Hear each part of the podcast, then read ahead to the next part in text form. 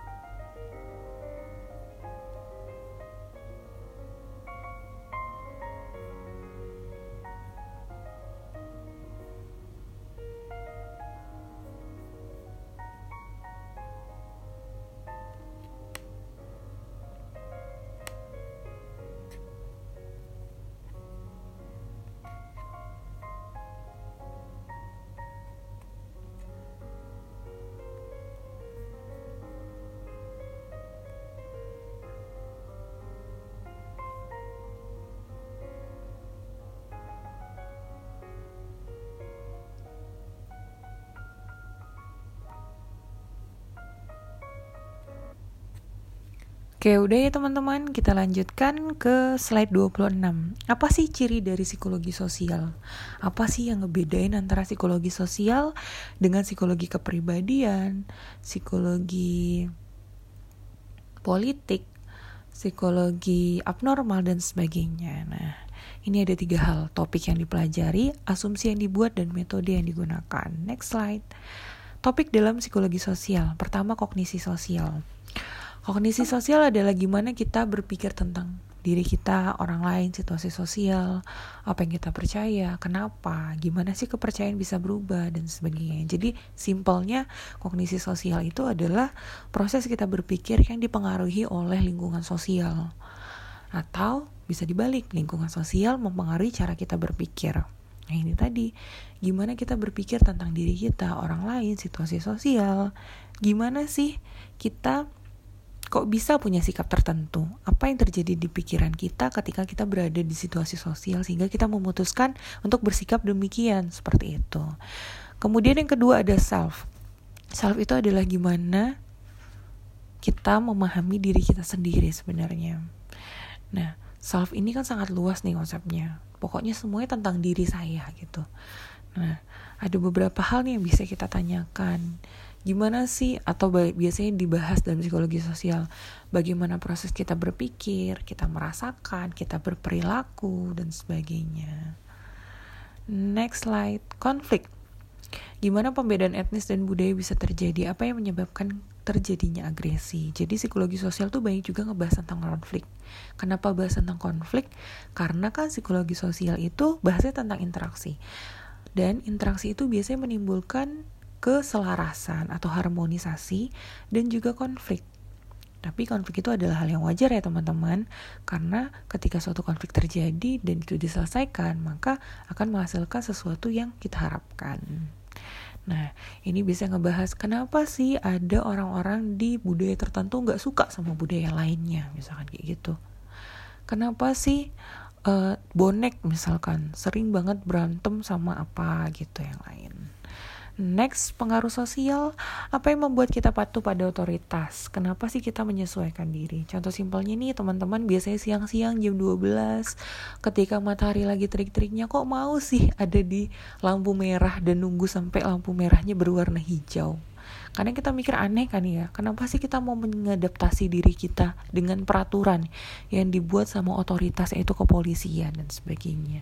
Emang ada apa sih gitu? Kemudian relasi sosial. Gimana kita ngebentuk suatu hubungan?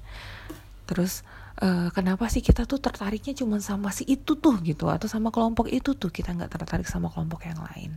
Nah relasi sosial tentang ketertarikan tentang kenapa sih kita mau nolong orang lain kenapa sih kita melakukan perilaku altruism atau yang biasanya bilang menolong orang lain dan sebagainya. Kenapa sih kita berempatinya sama uh, Jokowi daripada kita harus berempati sama Trump misalkan kayak gitu nah itu dibahas juga di dalam psikologi sosial Next slide, asumsi psikologi sosial. Orang sering berinteraksi satu sama lain untuk mencapai beberapa tujuan atau memuaskan motivasi. Jadi kita berinteraksi sama siapa gitu. Biasanya itu kita punya tujuan. Misalkan tujuannya adalah aku pengen nih sama dia diajakin untuk masuk ke klub futsal gitu. Jadi nanti kita akan interaksi sama dia gimana caranya biar kita bergabung di klub futsalnya dia. Kemudian selain berperilaku karena ada tujuan, kita juga biasanya berperilaku untuk memuaskan motivasi-motivasi kita. Misalkan motivasi kita berperilaku sama si motivasi dengan tujuan akhirnya itu pengennya apa. Misalkan motivasinya adalah pengen aja punya ikatan sosial sama dia, pengen aja sih punya temen dari latar belakang pendidikan lain, kayaknya seru deh gitu. Ada juga nih yang misalkan berinteraksi sama orang biar lebih paham tentang dirinya dia sendiri gitu kemudian untuk memperoleh dan menjaga status atau marwah atau pride mungkin di lingkungan mempertahankan diri menarik dan bertahan pasangan dan sebagainya. Jadi motif apa pun yang menurut kita positif atau negatif itu tetap biasanya kita lakukan untuk kita berinteraksi dengan orang lain. Next slide. Asumsi lainnya adalah orang dan situasi adalah sama-sama penting karena kayak kemarin itu bahwa rumusnya adalah person dikali environment. Jadi orang yang nggak berdiri sendiri, lingkungannya nggak berdiri sendiri, tapi saling berinteraksi. Kemudian proses di dalam penting untuk memahami orang. Jadi proses yang kita lakukan dari faktor internal maupun eksternal itu penting untuk memahami orang lain. Misalkan saya berinteraksi dengan orang yang sedang hmm, orang yang pernah menjadi korban tsunami misalkan. Nah, ketika kita berinteraksi dengan orang tersebut, kan kita pasti mendapatkan sesuatu nih, entah kita mendapatkan pengetahuan bagaimana sih berempati sama mereka, apa sih yang mereka butuhin. Nah, itu bisa kita gunakan untuk memahami orang lain yang mungkin mengalami peristiwa-peristiwa kebencanaan alam gitu. Kemudian kita tidak selalu menyadari alasan perilaku kita. Ya kadang-kadang kita berperilaku nggak tahu gitu alasannya apa nggak tahu sih aku cuma pengen ngelakuin itu aja misalkan kayak gitu. Kalian punya nggak perilaku yang seperti itu? Nah, coba dipikirin. Next slide. Konsep utama dalam psikologi sosial. Nah ini. Kita mengkonstruk kita mengkonstruk atau membentuk atau membangun realitas sosial. Jadi sebenarnya dari pikiran kita sendiri kita yang membentuk kebenaran di lingkungan sosial. Mungkin susah ya dipahami. Jadi contohnya kayak gini di sini ada Jokowi sama Megawati. Kalau ngelihat Pak Jokowi itu sedang salaman sama Megawati ada beberapa orang nih yang mengonstruk atau membangun pikirannya. Kayaknya dia tuh beneran bonekanya si Megawati deh gitu. Jadi yang kita yakini atau kebenaran atau realitas sosialnya adalah dia bonekanya Jokowi bonekanya Megawati. Karena di dalam pikiran kita seperti itu gitu. Beda lagi ketika kita berpikir bahwa dia seperti ini karena dia respect sama Bu Megawati gitu. Nah realitas sosialnya oh Jokowi itu kayak gitu karena dia uh, sopan atau dia respect sama Megawati bukan karena dia adalah bonekanya misalkan kayak gitu. Next slide. Konsep lainnya adalah konsep utama dalam psikologi sosial konsep lainnya adalah intuisi sosial teman-teman pasti tahu intuisi dong. Intuisi adalah kemampuan kita memahami tanpa harus ada rasional atau intelektual. Misalkan intuisiku bilangnya aku nggak bisa ditemenan sama orang yang sering banget uh,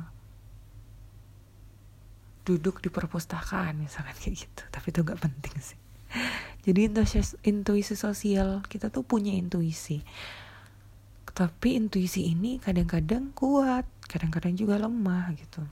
Nah padahal sebenarnya intuisi ini adalah hasil dari pemrosesan kita proses berpikir kita. Mungkin kita dulu pernah punya temen yang duduk di perpustakaan dan sering duduk di perpustakaan dan kita jadi nggak oh dan kita punya masalah sama dia misalkan kayak gitu. Jadi intuisi kita bilang kita nggak usah temenan deh sama orang kayak gitu gitu ada ada prosesan di dalamnya. Kita sadari ya walaupun ataupun kita tidak sadari. Next slide. Kemudian pengaruh sosial mewarnai perilaku kita biasanya.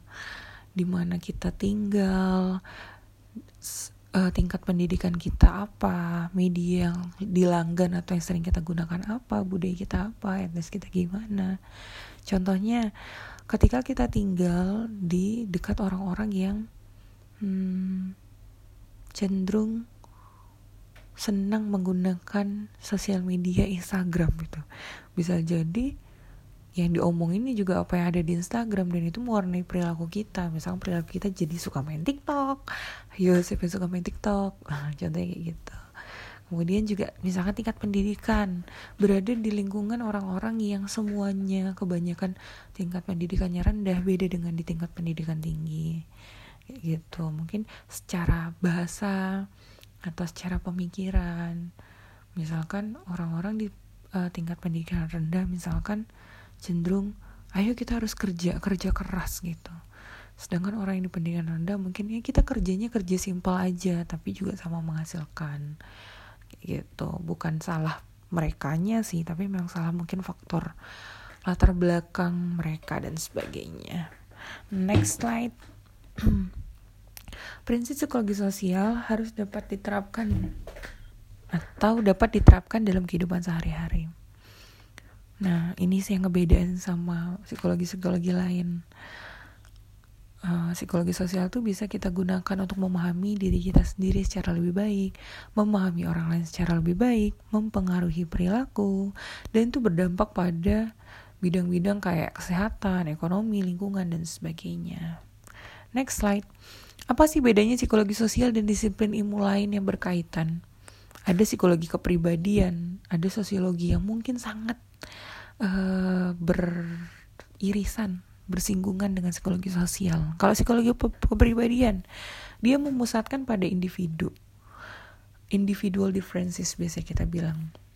Ada perbedaan satu perilaku. Kenapa sih si contohnya si Wafa beda sama si Fahri? Kenapa sih si Iman beda sama si Gladys misalkan kayak gitu. Nah, psikologi kepribadian itu tentang itu.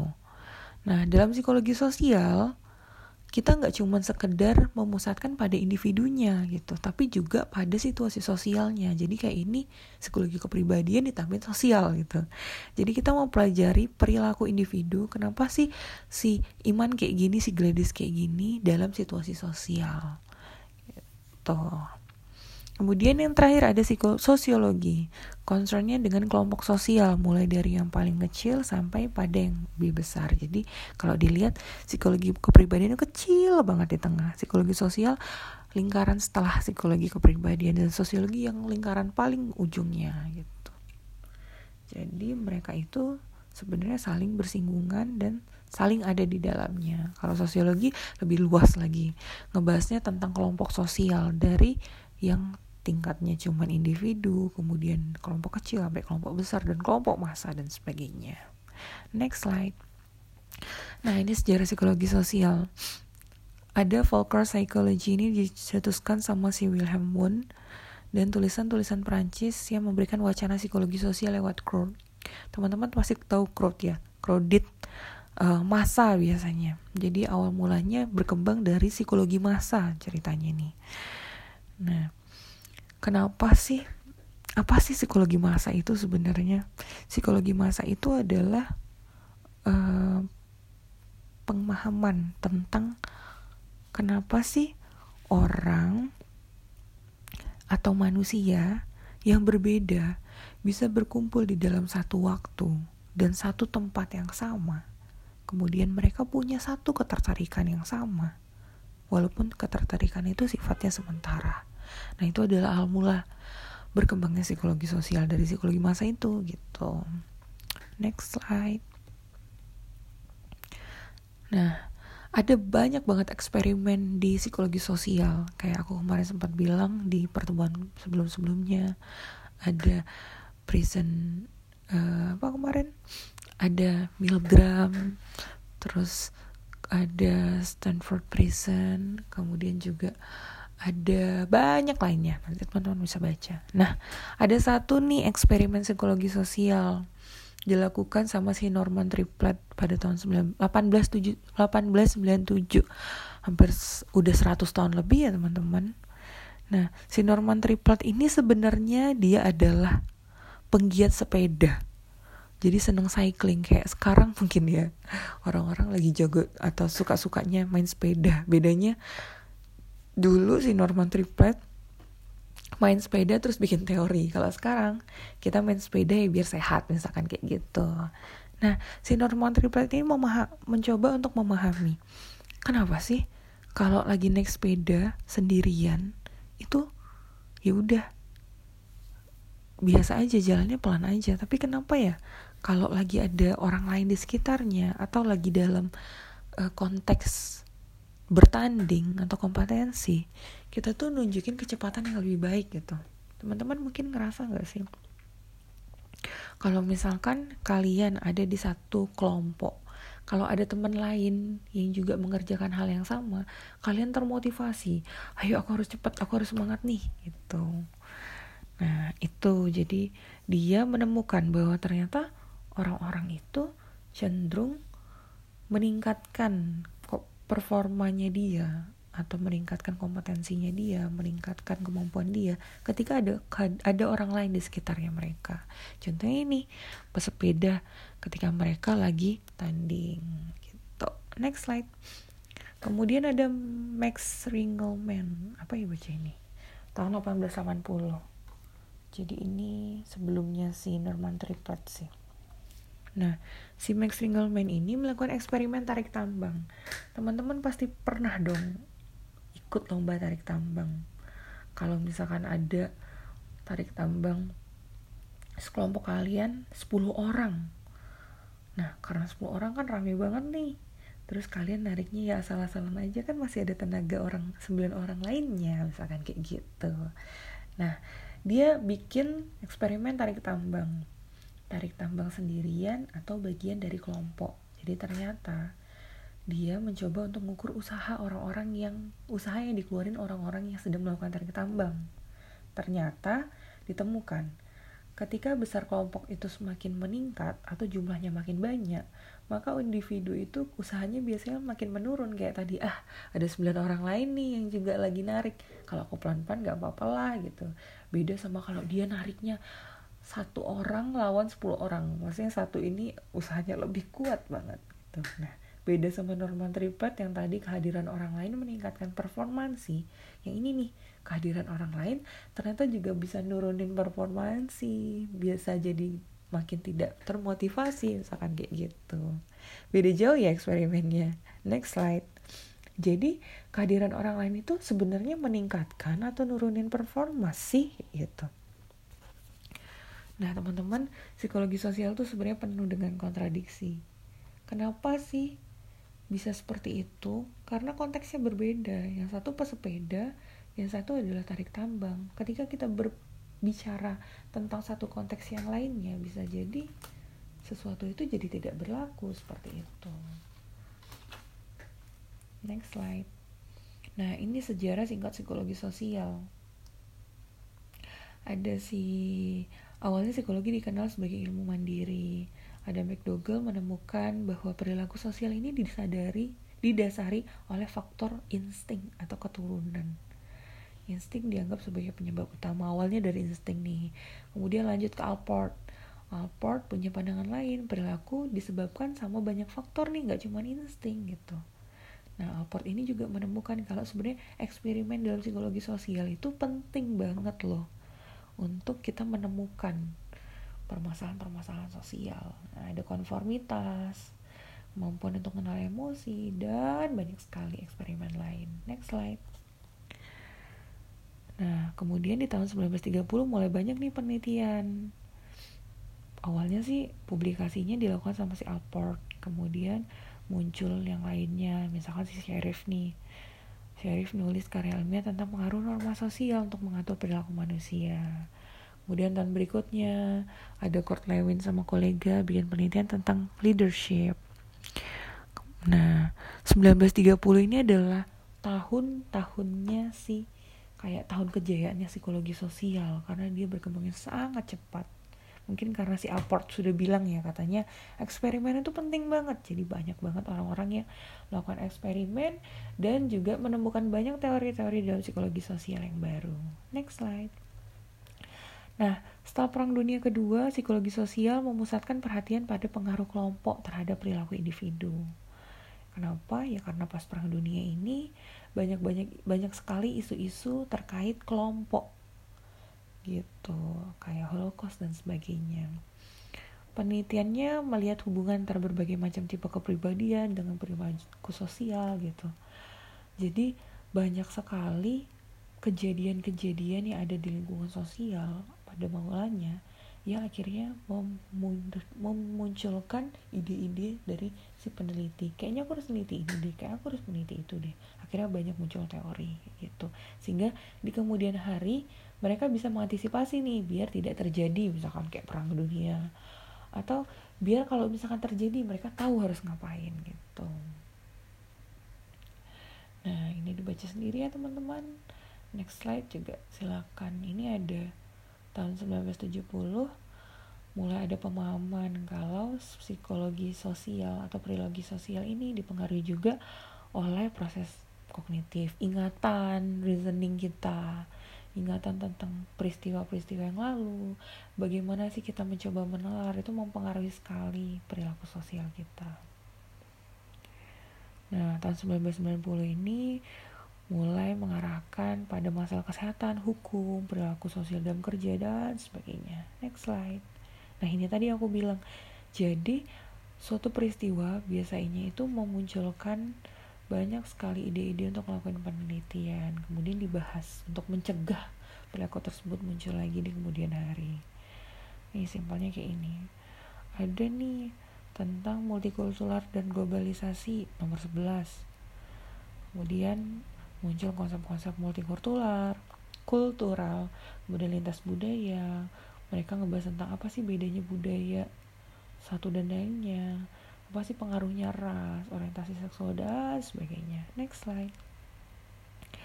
Nah, kemudian di awal 20 awal abad 20 si Alpert mulai mencari definisi tentang sikap-sikap itu apa sih sebenarnya. Lewin juga mulai mendalami tentang bahwa perilaku itu merepresentasikan interaksi antara orang dengan situasi. Tuh, ini bapak-bapak yang masih-masih muda, kan? 2000-an gitu. Nah, dari apa yang mereka kembangkan di awal tahun awal abad ke-20 ini muncullah banyak teori termasuk ini. Next slide-nya bahwa stimulus itu memunculkan perilaku dan perilaku itu ada yang tampak dan ada yang tidak tampak. Lihatnya di overt, yang satu covert. Covert kan tertutup jadi dia tidak tampak. Contoh sederhananya ada suatu stimulus. Stimulusnya adalah teman-teman aku bilang kayak gini anak-anak eh, jangan lupa dua minggu lagi kalian akan presentasi. Cepet siapin materi ya gitu. Nah dari stimulus aku aku ngomong kayak gitu teman-teman bebas nih berperilaku kan. Ada yang perilakunya nggak tampak misalkan kayak di dalam otaknya bilang oke okay, kalau kayak gitu berarti aku harus mengerjakan minimal Hamin satu minggu. Atau lainnya lagi adalah wah Bu Chania nih kok nambahin beban aja sih nambahin tugas kuliah misalkan kayak gitu. Itu yang covered. Kalau yang overt misalkan kalian langsung kayak angkat tangan bu uh, bisa nggak ya presentasinya jangan minggu jangan dua minggu lagi tapi seminggu lagi aja gitu. Atau jadi marah-marah atau yang sebagainya. Jadi perilaku yang kita bisa lihat secara kasat mata. Sedangkan kalau covered kita nggak bisa lihat dengan kasat mata kayak gitu. Next slide. Ada juga nih pengaruh-pengaruh dari pakar eh, pakar-pakar ilmuwan psikologi sosial tahun 1950 dan 1960-an katanya behaviorisme behaviorisme ini adalah pendekatan bahwa segala hal itu terjadi karena uh, ada belajar, ada apa namanya, ada proses belajar di dalamnya. Contohnya nih, ini teman-teman di sebelah kanan bisa ngelihat ya, ada seekor tikus. Di sini ada respon liver itu kayak, hmm, kayak apa ya, kayak kalau dispenser di dispenser itu kayak tombol yang untuk teman-teman tekan sehingga keluar air kayak gitu. Jadi di sini ada respon lever terus di sini ada food dispensernya. Di sini ada loudspeaker dan juga ada lampunya. Nah si tikus ini eksperimen tikus ini dibawakan atau dikenalkan oleh si Skinner jadi awalnya gini nih tikus dimasukkan ke dalam satu kandang kemudian dia nggak tahu kan ada makanan di situ sebenarnya dan ada tombol si respon lever. Kemudian ada loudspeaker ada lampu dan sebagainya. Dia nggak tahu awalnya. Dia mencakar-cakar kandang pas dia nggak tahu. Kemudian ada suara tet gitu. Kemudian tiba-tiba nih food dispenser atau food containernya kontainernya keluarin makanan gitu. Kemudian tikus ini pelan-pelan akan pelan-pelan dia belajar. Dia mencoba untuk menekan tombol respon levernya ini. Ketika ditekan ada bunyi tet kemudian lampunya nyala makanannya keluar. Nah akhirnya dia setelah tahu itu dia sering sekali untuk menekan seat bell ini biar makanannya keluar kayak gitu. Jadi Skinner ini menemukan kalau sebenarnya kita tuh belajar nah kemudian ada Freudian. Nah, kalau Freud berfokus sama psikologi dalam, biasanya ini ada di psikologi kepribadian sih. Kalau sebenarnya diri kita ini nggak dipengaruhi sama kesadaran aja tapi ada ketidaksadaran. Contoh sederhananya nih teman-teman lagi ngobrol sama teman-temannya yang lain tiba-tiba keceplosan aja. Nah beliau bilang itu keceplosan karena ada ingatan yang kalian letakkan di ketidaksadaran sehingga keluar tiba-tiba Psikologi sosial mengombinasikan metode ilmiah dengan penelitian tentang belajar dan pemrosesan informasi. Itu jadi nggak bener-bener cuman mempelajari uh, interaksi sosial, tapi juga ternyata ada proses belajar dan juga kognitifnya itu ada gitu. Next slide. Nah, ada nih teori kognisi sosial dikembangkan oleh Albert Bandura. Dikenalnya dengan social learning theory. Bahwa perilaku manusia itu dipengaruhi loh sama hal-hal yang ada di sekitarnya melalui penguatan atau reinforcement dan modeling atau observational learning. Teori Bandura yang terkenal itu namanya Bobodol, teman-teman. Jadi uh, ada seorang anak yang diletakkan di dalam suatu ruangan, kemudian di situ ada boneka. Kalian tahu gak sih boneka pinguin-pinguin atau boneka yang biasanya ada di lampu merah, ada airnya. Kalau dipukul dia akan balik lagi, akan tegak lagi. Nah, boneka itu kayak gitu. Jadi ada uh, seorang anak kecil dimasukkan ke dalam ruangan, ada boneka, terus di dalamnya ada TV, ada tayangan. Di TV itu ada tayangan kekerasan. Jadi tambahkan tayangan kekerasan ternyata setelah ditayangkan kekerasan itu anak-anak cenderung untuk mukul boneka-boneka itu. Jadi di situ dia belajar atau dia menyimpulkan kalau sebenarnya kita itu biasanya juga belajar dari kita melihat atau meniru mengamati perilaku orang lain kayak gitu. Next slide. Nah ini. Kita belajar buah dari pengalaman gak langsung tapi juga bisa belajar lewat observasi. Yang tadi itu kita ngelihat orang ada yang melakukan kekerasan nih sehingga kita juga melakukan kekerasan. Atau bisa juga nih modeling. Modeling itu mengikuti imitasi. Jadi contohnya uh, role model saya ayah saya tuh biasanya kalau makan kayak gini ya udah aku ikut aja di cara dia makan misalkan seperti itu. Jadi dalam teori kognisi sosial, belajar itu satu bisa lewat pengalaman langsung kayak si tikus tadi nyoba-nyoba sendiri. Kedua, belajar itu bisa lewat observasi kayak si TV tadi ngeliat yang kekerasan ngelakuin. Modeling itu bisa mengimitasi perilaku orang-orang yang ada di sekitar gitu. Next slide. Nah, dia membentuk atau membuat teori triadic reciprocal causation nih. Jadi sebenarnya uh, diri kita itu dipengaruhi oleh lingkungan, kemudian ada faktor dari diri kita sendiri dan juga faktor perilaku kita yang mempengaruhi kita gimana di lingkungan sosial seperti itu. Nah, terakhir nih ada tentang efikasi diri. Nah, efikasi diri ini masuknya bagian self sih, self efficacy, self efficacy biasanya dibilangnya. Self efficacy adalah keyakinan kita, keyakinan diri dari seseorang di mana dia yakin punya kemampuan dalam melakukan sesuatu hal. Bisa dikatakan sebagai kepercayaan diri dalam melakukan sesuatu hal. Nah, kalau dia punya self efficacy, dia bisa nih um, meniru perilaku ayahnya misalkan aku pernah kok bisa ngelakuin kayak gitu aku yakin kok aku bisa sehingga dia bisa Nah, ada apa aja sih yang bisa mempengaruhi efikasi diri? Pengalaman kita menguasai sesuatu, modeling, persuasi, pengaruh sosial, dan juga kondisi fisik dan emosional kita. Kalau teman-teman nih, kalau misalkan aku bertanya, kira-kira yakin gak sih kalian bisa menyelesaikan perkuliahan sarjana di Fakultas Ilmu Pendidikan jurusan Psikologi selama tiga setengah tahun? Misalkan aku tanya kayak gitu. Kemudian keyakinan kalian pasti dipengaruhi oleh banyak faktor. Misalkan satu dulu aku pernah berhasil nih kuliah cep bukan kuliah cepat menger mengerjakan tugas-tugas dengan cepat. Atau aku pernah nih berhasil apa gitu sehingga aku yakin nih tiga setengah tahun pun aku bisa lulus. Contohnya misalkan seperti itu Oke, baik teman-teman kelas hari ini sampai sekian. Terima kasih sekali untuk atensinya. Nah, intinya itu ya teman-teman bahwa sebenarnya perilaku kita sangat dipengaruhi oleh lingkungan sosial dan lingkungan sosial juga dipengaruhi oleh diri kita. Banyak sekali faktor yang mempengaruhi kita bisa jadi seperti saat ini.